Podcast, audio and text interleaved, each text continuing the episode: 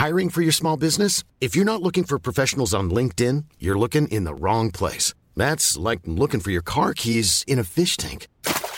LinkedIn helps you hire professionals you can't find anywhere else, even those who aren't actively searching for a new job but might be open to the perfect role. In a given month, over 70% of LinkedIn users don't even visit other leading job sites. So start looking in the right place. With LinkedIn, you can hire professionals like a professional. Post your free job on linkedin.com slash people today.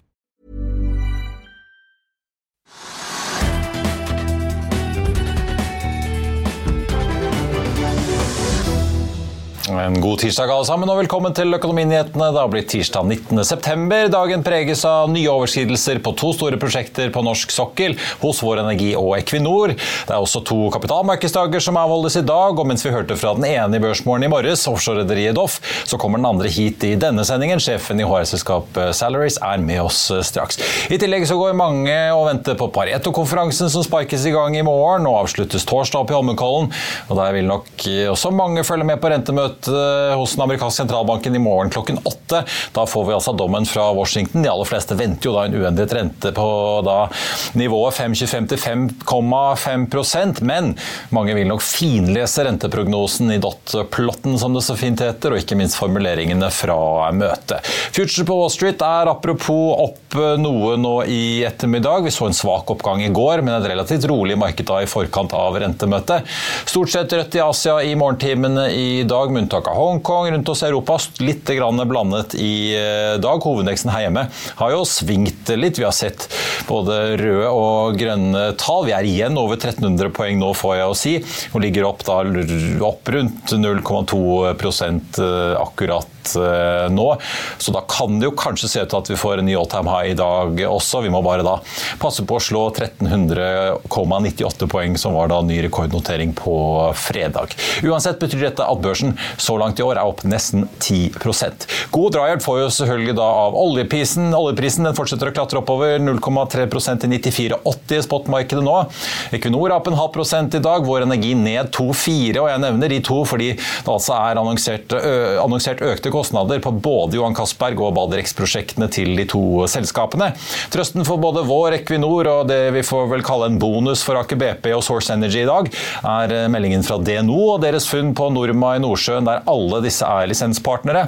Gass- og kondensatfunnene er på mellom 25 og 130 millioner fat oljeekvivalenter. Et funn som ifølge DNO åpner opp et nytt spill for selskapet da i denne delen av Nordsjøen som ligger i nærheten av nettopp Balder og Alvheim-feltene. Det er nå aksjen opp over 4% så langt i dag. Det er litt dagen derpå i seismikkland, får vi si. TGS og PGS annonserte jo i går ekteskapsplanene sine, før de etter noen timer rett ved børsslutt annonserte at de også skal hente penger i en emisjon i begge selskapene. TGS startet jo ned i går, men endte opp hele 8,7 til 160 kroner og 30 øre. Så hentet de altså nesten en milliard til 152,50 I dag er de ned rundt 4% til 154 kroner. PGS på sin side steg jo over 21% i går til 10 kroner og 10 øre. Hentet 440 millioner da til 960, og i dag er de ned en halvannen prosent til 993. Noen aksjer det er verdt å merke seg ellers i dag. Vistin Pharma opp en 7% til 24,40 etter at Øystein Strauss Betalen Saga Pure har kjøpt aksjer i selskapet til 23,50. Den kom frem i en flaggermelding da etter børsslutt i går. og legger man sammen alle aksjene Spetalen enten kontrollerer via Saga Pure, via Frankliff listed DAI eller privat, så kontrollerer han rundt da 3 og 3 kvart prosent av Vistin Pharma. Oslo Børs har ilagt Softox et gebyr på 300 000 kroner fordi Oslo Børs mener at selskapet offentliggjorde innsideinformasjon fem dager for sent. Det handler jo da om meldingen om likviditetsproblemer som kom i februar. Softox har vært ned så mye som rundt 20 i dag, har hentet seg noe inn og ligger ned rundt 4% Styrelederen i selskapet, Geir Almås, sier sitat at det virker som at Oslo Børs ikke har hensyntatt fakta i saken. Rexilicon stiger snaue 4% i dag. De har inngått en låneavtale på 40 millioner dollar via datterselskapet sitt Rexilicon Inc. med en bank i forbindelse med restarten av Moses Lake-anlegget i USA. Alle omstartsaktiviteter utvikler seg godt og er i rute og innenfor budsjettet, sier konsernsjefen Kurt Levens i Rex Silicon. Så er det Sikrest Petroleum som er ute med en oppdatering på sin egen produksjon. Aksjen er opp snaue 2 De venter nå en produksjon i 2023 på mellom 8000 og 8200 fat per dag, noe ned fra guidingen som var på inntil 8009 tidligere. Investeringen i selskapet ventes nå til mellom 20 og 22 millioner dollar, ned fra et tidligere estimat på 26. Så legger de til at produksjonen i hvert fall per i dag ligger på litt over 10 000 fat per dag. Doff har vært gjennom mange tøffe år med oljebrems og mange skip med mye gjeld, kombinert med lave rater, ga jo en giftig cocktail for offshoreindustrien, som til slutt endte i en, i hvert fall i Doffs tilfelle, da, en restrukturering og en kanskje litt unødvendig konkurs. Selskapet lever uansett eh, i beste velgående nå og er tilbake på børs, og i dag har de altså avholdt sin første kapitalmarkedsdag siden noteringen. Aksjen har steget rundt prosenten etter at budskapet ble lagt frem i dag, og så langt så er aksjen altså opp 78 fra emisjonskursen som ble satt i våres. Tidligere i dag så hadde vi besøk av konsernsjef Mons Aase i Børsmorgen, som både snakket om hvordan gjelden skal ned før det blir utbytter, om eventyret de har med Exxon i Brasil og mulighetene innen havvind. Her er et lite utdrag. Men eh, når vi ser eh, jorden rundt, så koker det ganske bra i de fleste områder. ja. For En ting er jo etterspørselen, men også liksom at man gjør disse finansielle transaksjonene. og sånn. Eh, du sitter jo på en del båter også, som PGS nå får giftet inn i TGS-systemet. Altså, Jeg har jo en teori om det. Nå skal ikke jeg kommentere PGS og TGS, men uh, tror, jeg tror jo vi går inn i en periode nå hvor det er fornuftig å være asset-tung. Dere snakket jo akkurat om det at 90 eh, av flåten var kontrollert av to spillere. Så det er klart eh, tilgang på båt, og det tror vi for vår bransje òg, at, at nå går vi inn i en periode. Vi har vært i en periode sant, hvor markedet har vært dårlig, hvor det har vært godt å være asset light, men nå, nå ser vi at vi går inn i en, tror vi at vi går inn i en periode med hvor det er bra å eie skip. Så vi ser jo det raten opp, eh, annenårsverdien opp. og, og, og så vi tror jo at de som skal vinne fremover nå, de som er AC2 i vår bransje. Nå har jo dere en bred eh, flåte med altså PSV, anker håndtere subsea-skip. Eh, men hvor konsolidert opplever du at din næring er nå, da? Vi så jo Tidewater komme inn og kjøpe alle PSV-ene til Solstad. Mange rederier har jo forsvunnet eller blitt fusjonert sammen gjennom disse årene som har vært med oljebrems og pandemi. Og er det mye mer å gå på? Ja, så, sant, altså hvis du, Det kommer litt an på segment. Eh, hvis du ser på, på PSV-siden, så er jo det fortsatt eh, Altså Er du på et rederimøte med Equinor, så er det jo fortsatt eh, sikkert iallfall 10-15 ja. tilbydere på PSV-siden. Hvis du ser på ankommenteringsmarkedet i, i, Nordsjøen, så er det fortsatt for mange. Du, hvis du ser på spotlisten i dag, så er det sikkert syv-åtte uh, forskjellige rederier. Men uh, går du litt ut i verden, går du på subsea uh, ja, La oss si den kontrakten vi vant i, i går med i Brasil, så er jo det, er én til to konkurrenter. Ja. Så der er jo, der er jo så det, er, det er variasjoner innenfor segment, og det er variasjoner innenfor uh, geografi. Så Nordsjøen er jo, er jo det området som er mest uh, størst konkurranse i. Det er der alle går hvis ikke de har noe annet å gjøre på. Så så der er fortsatt uh, ikke der hadde, det, ikke, det hadde ikke vært dumt med, med mer konsolidering i, i vår uh, bransje.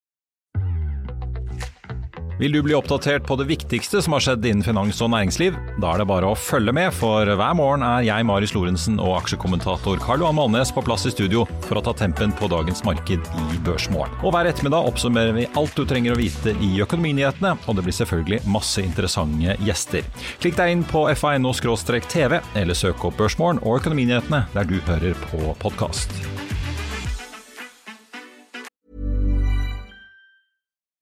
That time of the year. Your vacation is coming up.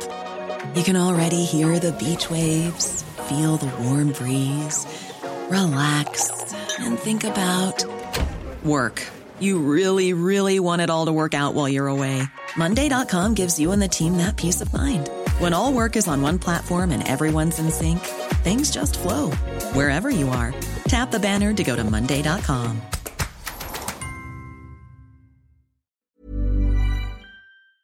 I'll see you in court.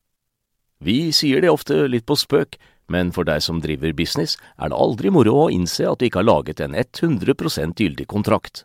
Du bør ikke risikere hele firmaet ditt fordi du synes dette med kontrakter er litt stress. En avtale er ikke en avtale. Du kan miste kunder, miste venner, ja, til og med miste inntekter om du ikke lager en skikkelig kontrakt, på alt mulig, egentlig. Men vi vet det er et styr, kopimaskiner, tregprinter og haugevis av papir. Dessuten stoler vi jo på folk her i landet. Det er ofte litt kleint å skulle be om en signatur for alt mulig, ja, for mye av styret handler også om jakten på underskriften. Det finnes en enkel måte å løse dette på, Dukkobit, en trygg, effektiv og get this, gratis måte å sikre seg en god natts søvn pluss en juridisk bindende avtale. Dukkobit-appen har de strengeste sikkerhetskrav i bunn, samt en EU-godkjent og sertifisert teknologi. Framover vil det bli behagelig å spørre du, skal vi skrive under på det, eller? Kom i gang på dokobit.no.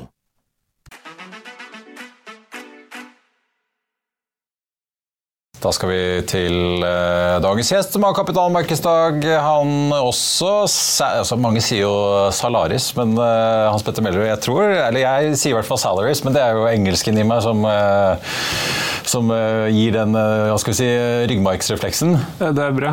Det ligger vel i navnet dere driver med HR og lønnssystemer? Det stemmer. Ja. Og det var der inspirasjonen kom fra i sin tid, når vi skulle søke etter et dotcom-domenenavn i 2000 når vi startet. Ja.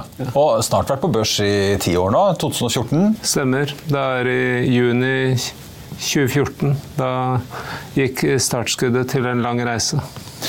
Eh, vi må snakke litt om hva dere har eh, snakket om til markedet og til investorer i dag. Aksjene har jo gjort det veldig bra så langt i år. Dere var jo på en sånn ordentlig berg-og-dal-bane gjennom pandemien i 2021 og fikk vel en del av det løftet vi så mange andre selskaper fikk eh, da. Hentet dere godt eh, inn igjen? Er ikke helt på de der toppnivåene vi så i 2021, eh, men likevel. Hvor, hvor føler dere at liksom dere står som selskap nå, når pandemien er over, folk er tilbake på jobb, i hvert fall de fleste? Altså, Vi står definitivt sterkere enn noen gang. Vi har levert, levert et Q2 som vi annonserte i slutten av august, hvor vi annonserte 33% vekst year on year i forhold til Q2 i fjor. 20% i local currency. Eh, passerte 100 millioner eh, euro eh, annualized revenue og er godt på vei også i forhold til å levere på de lønnsomhetsmålene som vi har satt. Så alt i alt så har vi vel aldri vært bedre posisjonert og vinner stadig nye store avtaler i markedet. Eh, men Fortell litt om virksomheten. da, for en ting er jo løpende på en måte øh, forvaltning av ansatte gjennom HR-systemer, lønnssystemer. Ja. Øh, men dere har jo også en prosjektavdeling?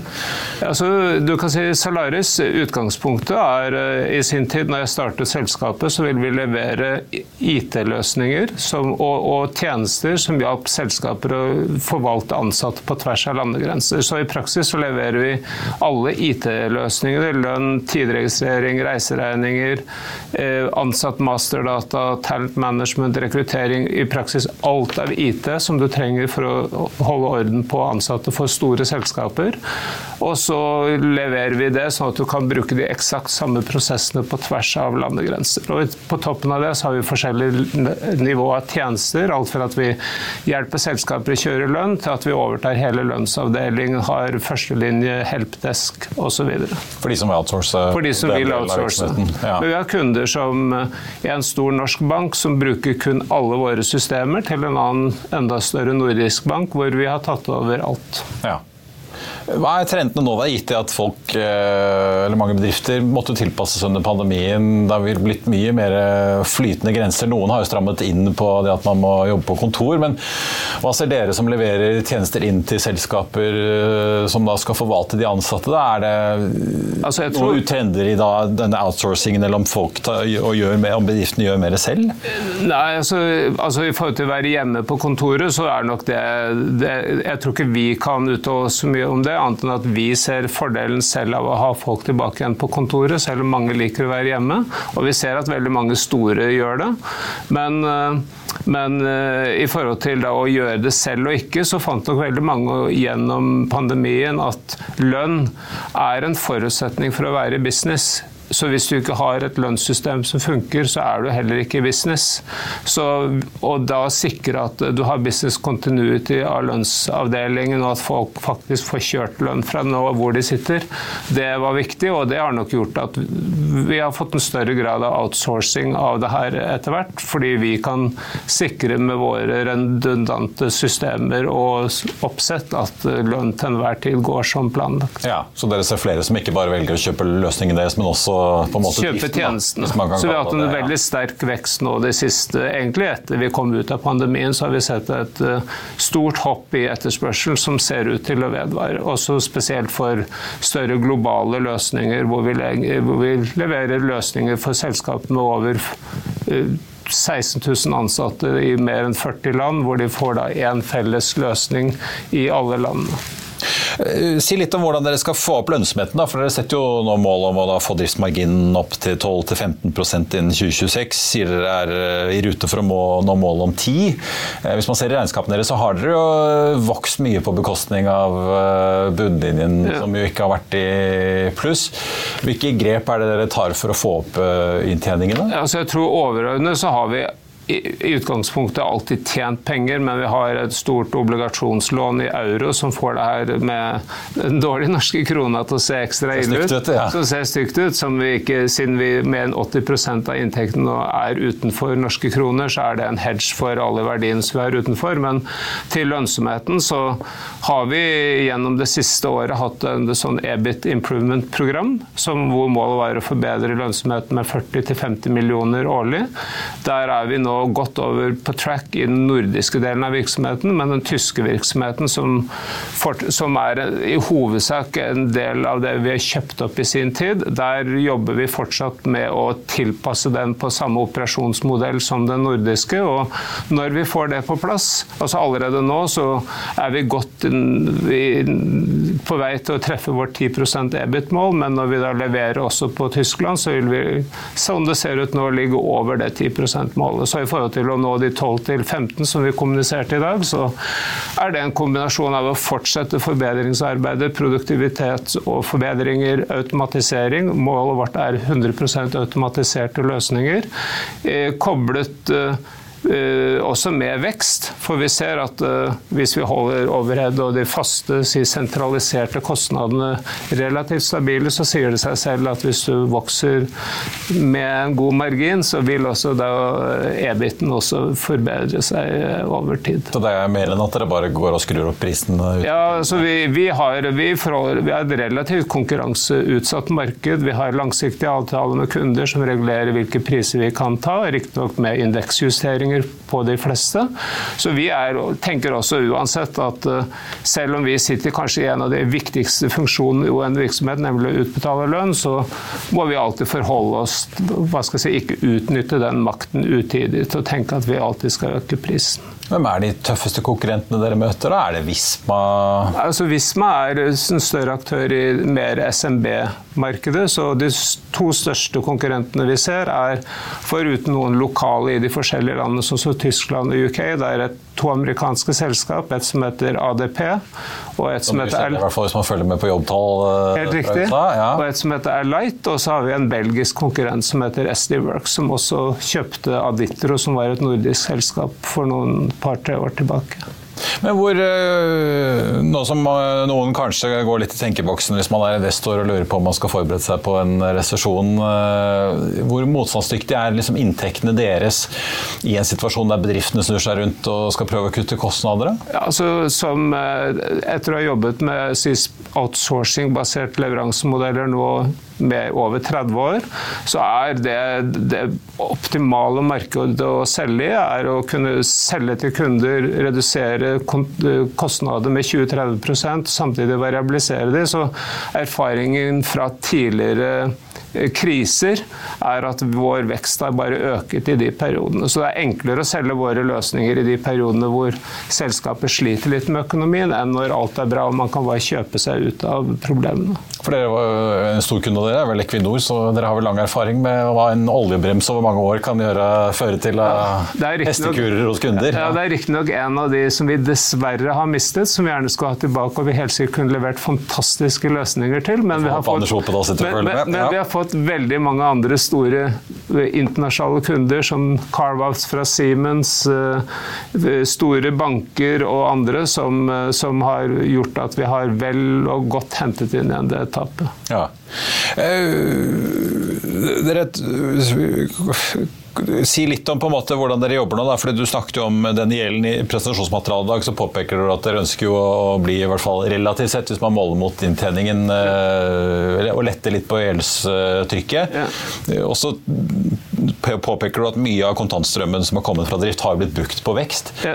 Eh, tar dere nå ned veksttakten for å sitte igjen med mer på bunnen, eller? Nei, men vi har nok eh, Det er, tror jeg er fair å si at inntil si, Putin gikk inn i Ukraina, så fokuserte vi ensidig på vekst, selvsagt også noe lønnsomhet, for det har vi også alltid gjort. Men det er klart at til da så var det det investorene jeg får si, maste om. Etter det så har vi fått en mye sterkere fokus på lønnsomhet og, og cash-generering. Og det har også gjort Vi er jo også enkle. Når vi setter oss et mål, så jobber vi å få det til å, å nå det målet. Vi hadde ikke vært i business etter å holde på med det her i 23 år hvis vi ikke gjorde det. Så nå vi vet det, det er det som teller. Vi ser at det gir oss handlefrihet til å gjøre det vi vil. Så målet er nå i forhold til å øke cashflowen, så blir vi mer eh, restriktive i forhold til hvordan vi allokerer kapital, hva vi velger å investere i, hvilke terms vi går med på osv. Så, videre. så vi tror ikke PT at det skal medføre noe redusert vekst. For vi føler ikke selv at vi har kjøpt noe vekst, men vi har gjort noen investeringer som sett, sånn sett i etterpåklokskapens lys vi sikkert kunne latt være å gjøre hvis cash-maksimering var det viktigste. Ja. Og det kommer vi da selvsagt ikke til å gjøre fremover. Men den veksten som dere planlegger å vokse med over 10 Ja. eh, fortsatt, eh, det er jo ikke så verst det for et modent selskap likevel. Er det snakk om nye marked, eller handler det om å ta flere kunder, selge mer til hver enkelt kunde? Ja, så det har seg sånn at Allerede så har vi jo solgt mye av den veksten, så den ligger allerede som signerte avtaler som vi har under implementering og fortsatt kommer til inntektsføring nå de neste tolv månedene. Så der er vi allerede sikret en 70-80 millioner årlig kontraktsverdi i ytterligere inntekter. Eh, Men vi ser at vi vokser en god del med eksisterende kunder, så i Q2 så hadde vi vel 109% revenue retention, sånn at 9% inntektene på eksisterende kunder fra året før økte med 9 ved å øke til nye markeder, tilleggstjenester osv. Men den største veksten har kommet ved at vi har fått store, nye globale kunder som eh, kanskje tilfører oss en fra 40 til 50 millioner årlig kontraktsverdi per kontrakt. Og det ser vi at vi er veldig konkurransedyktige i det markedet, og det kommer vi til å fortsette med. Litt til slutt, bare som investor. da. Dere har betalt vel utbytte i fjor, så vidt jeg husker. Ja, fjor, forrige fjor i hvert fall. Hva kan, eh, nå som dere skal eh, vri litt på i maskineriet for å prøve å øke lønnsomheten Dere har jo en utbyttepolicy om å betale halvparten av overskuddet ut. Det stemmer. Så, så Hva kan man forvente hvis man setter pengene i Salaris nå? Altså, målet er jo å, å betale utbytte, så vi har jo noen sånne incurrence tests. Vi har et stort bondlån, og så innenfor de rammene vi kan utbetale utbytte, så er i hvert fall min forståelse av styrets og, og vår utbyttepolicy at man da vil utbetale, utbetale utbytte hvis incurrence-testene tillater det. Men foreløpig så er utfordringen vår den svake krona, som gjør at vi sånn rent på papiret nok eh, fortsatt ikke ser eh, så får vi valutatapet som ikke er, eh, er et eh, hva skal jeg si, som kun er foreløpig et papirtap som, eh, som Og som overgår løftet du så- får på inntektssiden? Riktig. Men det kan snu seg like godt hvis krona går andre veien igjen. Så det går begge veier. Og assetsene som vi har, de øker jo tilsvarende i verdi, men de kommer da på total comprehensive income og ikke, tas ikke med av investorer foreløpig. Så får vi se om dere klarer å utfordre ADP på eh, å levere jobbtall eh, i USA to dager før de offisielle tallene kommer en gang i måneden. Ja, og vi vinner i hvert fall godt mot de i markedet når vi leverer tjenester, så det er vel i hvert fall det viktigste. Du Fonset, en sjeføkonom vi kan invitere her en gang i måneden. Hans Petter eh, Mellerud i Salaris, takk for at du kom til oss. Takk, det var hyggelig. Jeg tenkte Vi må jo titte litt på nyhetene som har også preget uh, markedet i uh, dag. Nemlig disse overskridelsene i uh, oljenæringen. For vi har jo da fulgt litt med på Equinor og Vår Energi. Det er jo da to store prosjekter på norsk sokkel som har blitt dyrere. La oss begynne med det nye Johan Castberg-feltet i Barentshavet til Equinor, altså, som i sin tid ble halvert fra en prislapp på rundt 100 ned til rundt 50 milliarder. Nå har prislappen igjen økt, denne gangen med 13 milliarder til 80. fra en, et opprinnelig estimat under utbyggingsplanen på 57. Equinor sier at prosjektet fortsatt er lønnsomt på 35 dollar fatet, selv om man altså ligger nå to år bak skjema og langt over budsjett. Og så er det Vår Energi da, som både justerer ned litt på produksjonsguidingen sin, går på Castberg-smellen med Equinor og varsler om økte kostnader i sitt eget prestisjeprosjekt Balder X i Nordsjøen, akkurat som i fjor. Nå har prislappen økt eh, med rundt 4 milliarder kroner totalt før skatt, og her er litt av diskusjonen vi hadde om dette i morges.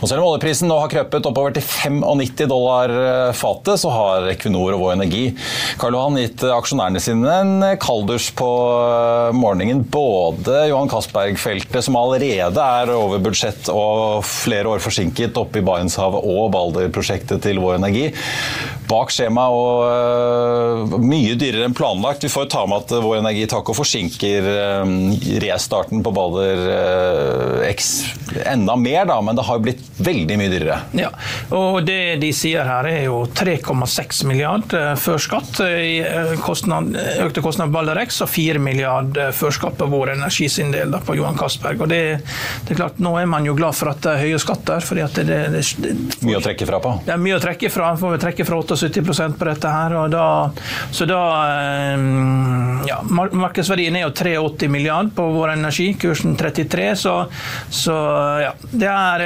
aksjen kommer nok til å få en liten trøkk på dette her. Større enn det, det økonomiske tapet. fordi det, det, betyr jo det at kostnadsoverskridelser de bruker å følge kostnadsoverskridelser. De fikk, de fikk jo en ny konsernsjef. og For Det er under en måned siden at Torgerød ble omplassert til å bli driftsdirektør. Inn kom Nick Walker, tidligere sjef i Lundin, som ny sjef i Vår Energi. Ja, og de kunne jo ikke Det, det er jo tydelig det at da, det, er som, det, er alltid noen som skal skylda for noe. Men det er klart, FPSO-er er notorisk for å ha kostnadsoverskridelser. Det er veldig komplekst. Det er bare å gå tilbake igjen til å se på de første med Balder som Exxon hadde, og uh, Avilko med Foynhaugen. Det er ikke lett, dette. Det er utrolig mange deler. Det er, det er svære anlegg. Det er som, et, det er som en fotballbane med fire meter med høye med rør. Halvparten er sånn 150 meter lang. og Det er masse rør, og da, da blir det også rør. Og Jotun FPSON som står inne på Rosenberg i Stavanger, som jo er en del av dette Balder X-prosjektet. Det er jo en eksisterende som er inne på FPSO. Ja. Jan Castberg er jo flunka nytt, men vi får jo ta det, da. Nå er jo eh, De holder seg fortsatt på tredje kvartal 2024 i Vår Energi, da, som eh, oppstart på Balder, som jo har vært et kjempeprosjekt i selskapet. Har vært veldig viktig og symbolsk. Så det at det har blitt eh, Det er vel dobbelt så dyrt som opprinnelig planlagt snart. Ja.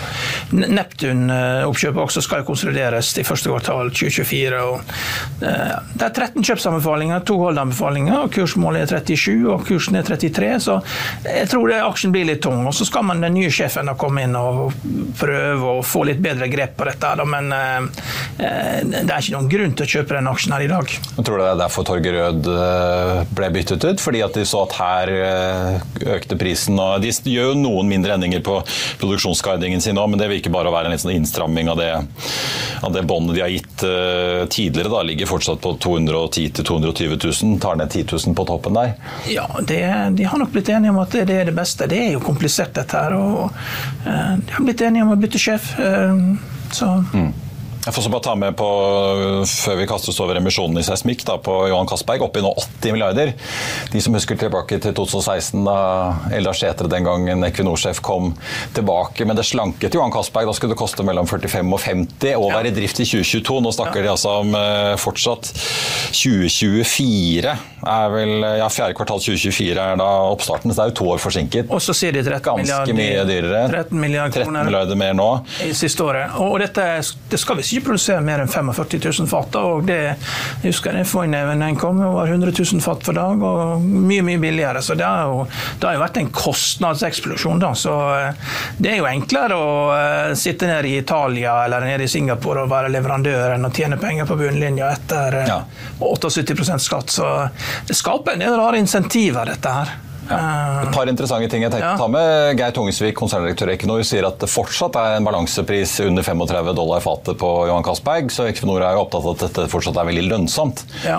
Eh, men eh, de som eh, er investert i Aker som jo en ting er jo forlengelser på Nyhamna, men de har jo fått veldig mye å gjøre på Stord, da, på verftet sitt, det gamle Kværner-verftet der nede. fordi at Johan Castberg FPSON står jo der.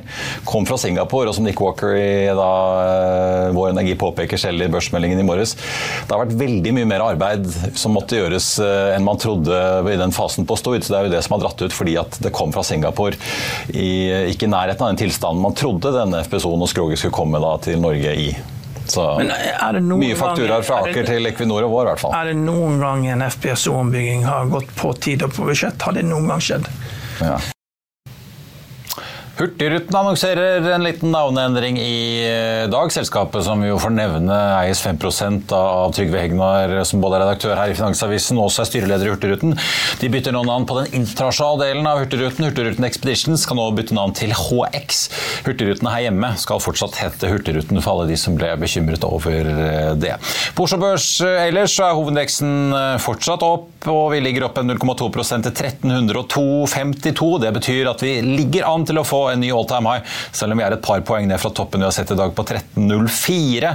Rundt hos Europa så er det stort sett rødt, med unntak av Storbritannia, som også er litt i pluss sammen med oss. Vi får jo veldig god drahjelp her hjemme da. Oljeprisen som er oppover prosenten nå til 95,51 i spotmarkedet. Det gir jo drahjelp til mange av oljeaksjene, selv om noen av de også trekkes ned av de nye overskridelsene på bl.a. Balder X-prosjektet og Johan Castberg. Vår Energi treffes jo av begge to ned halvannen prosent i dag og hentet seg litt inn fra fallet fallet på 3,5% som vi så fra start, men likevel eh, fortsatt en negativ reaksjon. Equinor ligger opp 0,3 for dagen. Alle får jo drahjelp av DNO, da, som har gjort et nytt uh, funn nede i Nordsjøen, der hvor både vår Equinor, også Aker BP og Source Energy er med som lisenspartnere. hvor DNO ligger opp 4,1% etter dette eh, funnet som er gjort da på Norma-prospektet. Doff, som har kapitalmarkedsdag i dag, opp 0,6% Salaris, eller Salaries som vi også kan kalle det, ligger ned en snau og har svingt litt, litt, rundt null i løpet av dagen, der de også da har hatt kapitalmarkedsdag. Så er det seismikkameratene TGS og PGS da, som annonserte ekteskapsplanene sine i går morges, og emisjonsplanene da etter børsslutt. Skal vi se, Equinor ligger jo da på nest mest omsatt i dag. TGS eh, topper listen ned 3,6 De er nå på 154,50. De hentet jo penger da på to kroner under det, så fortsatt over emisjonskurs. Over emisjonskurs er også PGS, som er tredje mest omsatt på børsen i dag, ned 1,4% De hentet da penger på 9,60, nå ligger de på 9,96. Deretter nedover listen så finner vi jo selskaper som Aker BP, som er opp 0,7 i dag, hvor Energi altså ned halvannen DNB, og Frontline, hvor DNB er ned 0,6, Frontline opp 2,15. I Finansavisen i morgen så kan du lese Trygve Hegnar sin leder, der han eh, bl.a. skriver om hva han syns er tåpelig fra Frp og Hans Andreas Limi sin side. Du kan også lese om hvordan Arne Fredelig og Egil Stenshagen bunkrer opp i bankaksjer. Det blir mer om kakefordelingen mellom TGS og PGS, problemene i Nordic Semiconductor etter resultatvarselet, om resultatvarselet fra Tieto, Evry og mye, mye mer. Og Det var økonominyhetene på det som jo ble nok en tettpakket dag. Nå er det altså 19.9 vi snakker om. Hvis du vil vite mer om TGS-fusjonen, så kan jeg absolutt anbefale vår spesialsending med TGS-sjefen Christian Johansen, som du finner ved å søke opp Økonominyhetene der du hører på eh, podkast. I morgen så er det Pareto-konferanse i Holmenkollen, og vi sparker i gang Børsmorgen 08.55 med både Pareto-sjefen selv, Christian Jomås, Karl Johan er med, og vi skal også snakke med oljeselskapet Okea. Økonominyhetene er også på plass i morgen 14.30, da også fra Holmenkollen Park. Før den tid så får du som alltid siste nytt på FA.no. Mitt navn er eh, Marius Lorentzen. Tusen takk for at du så eller hørte på, og så håper jeg vi igjen i morgen.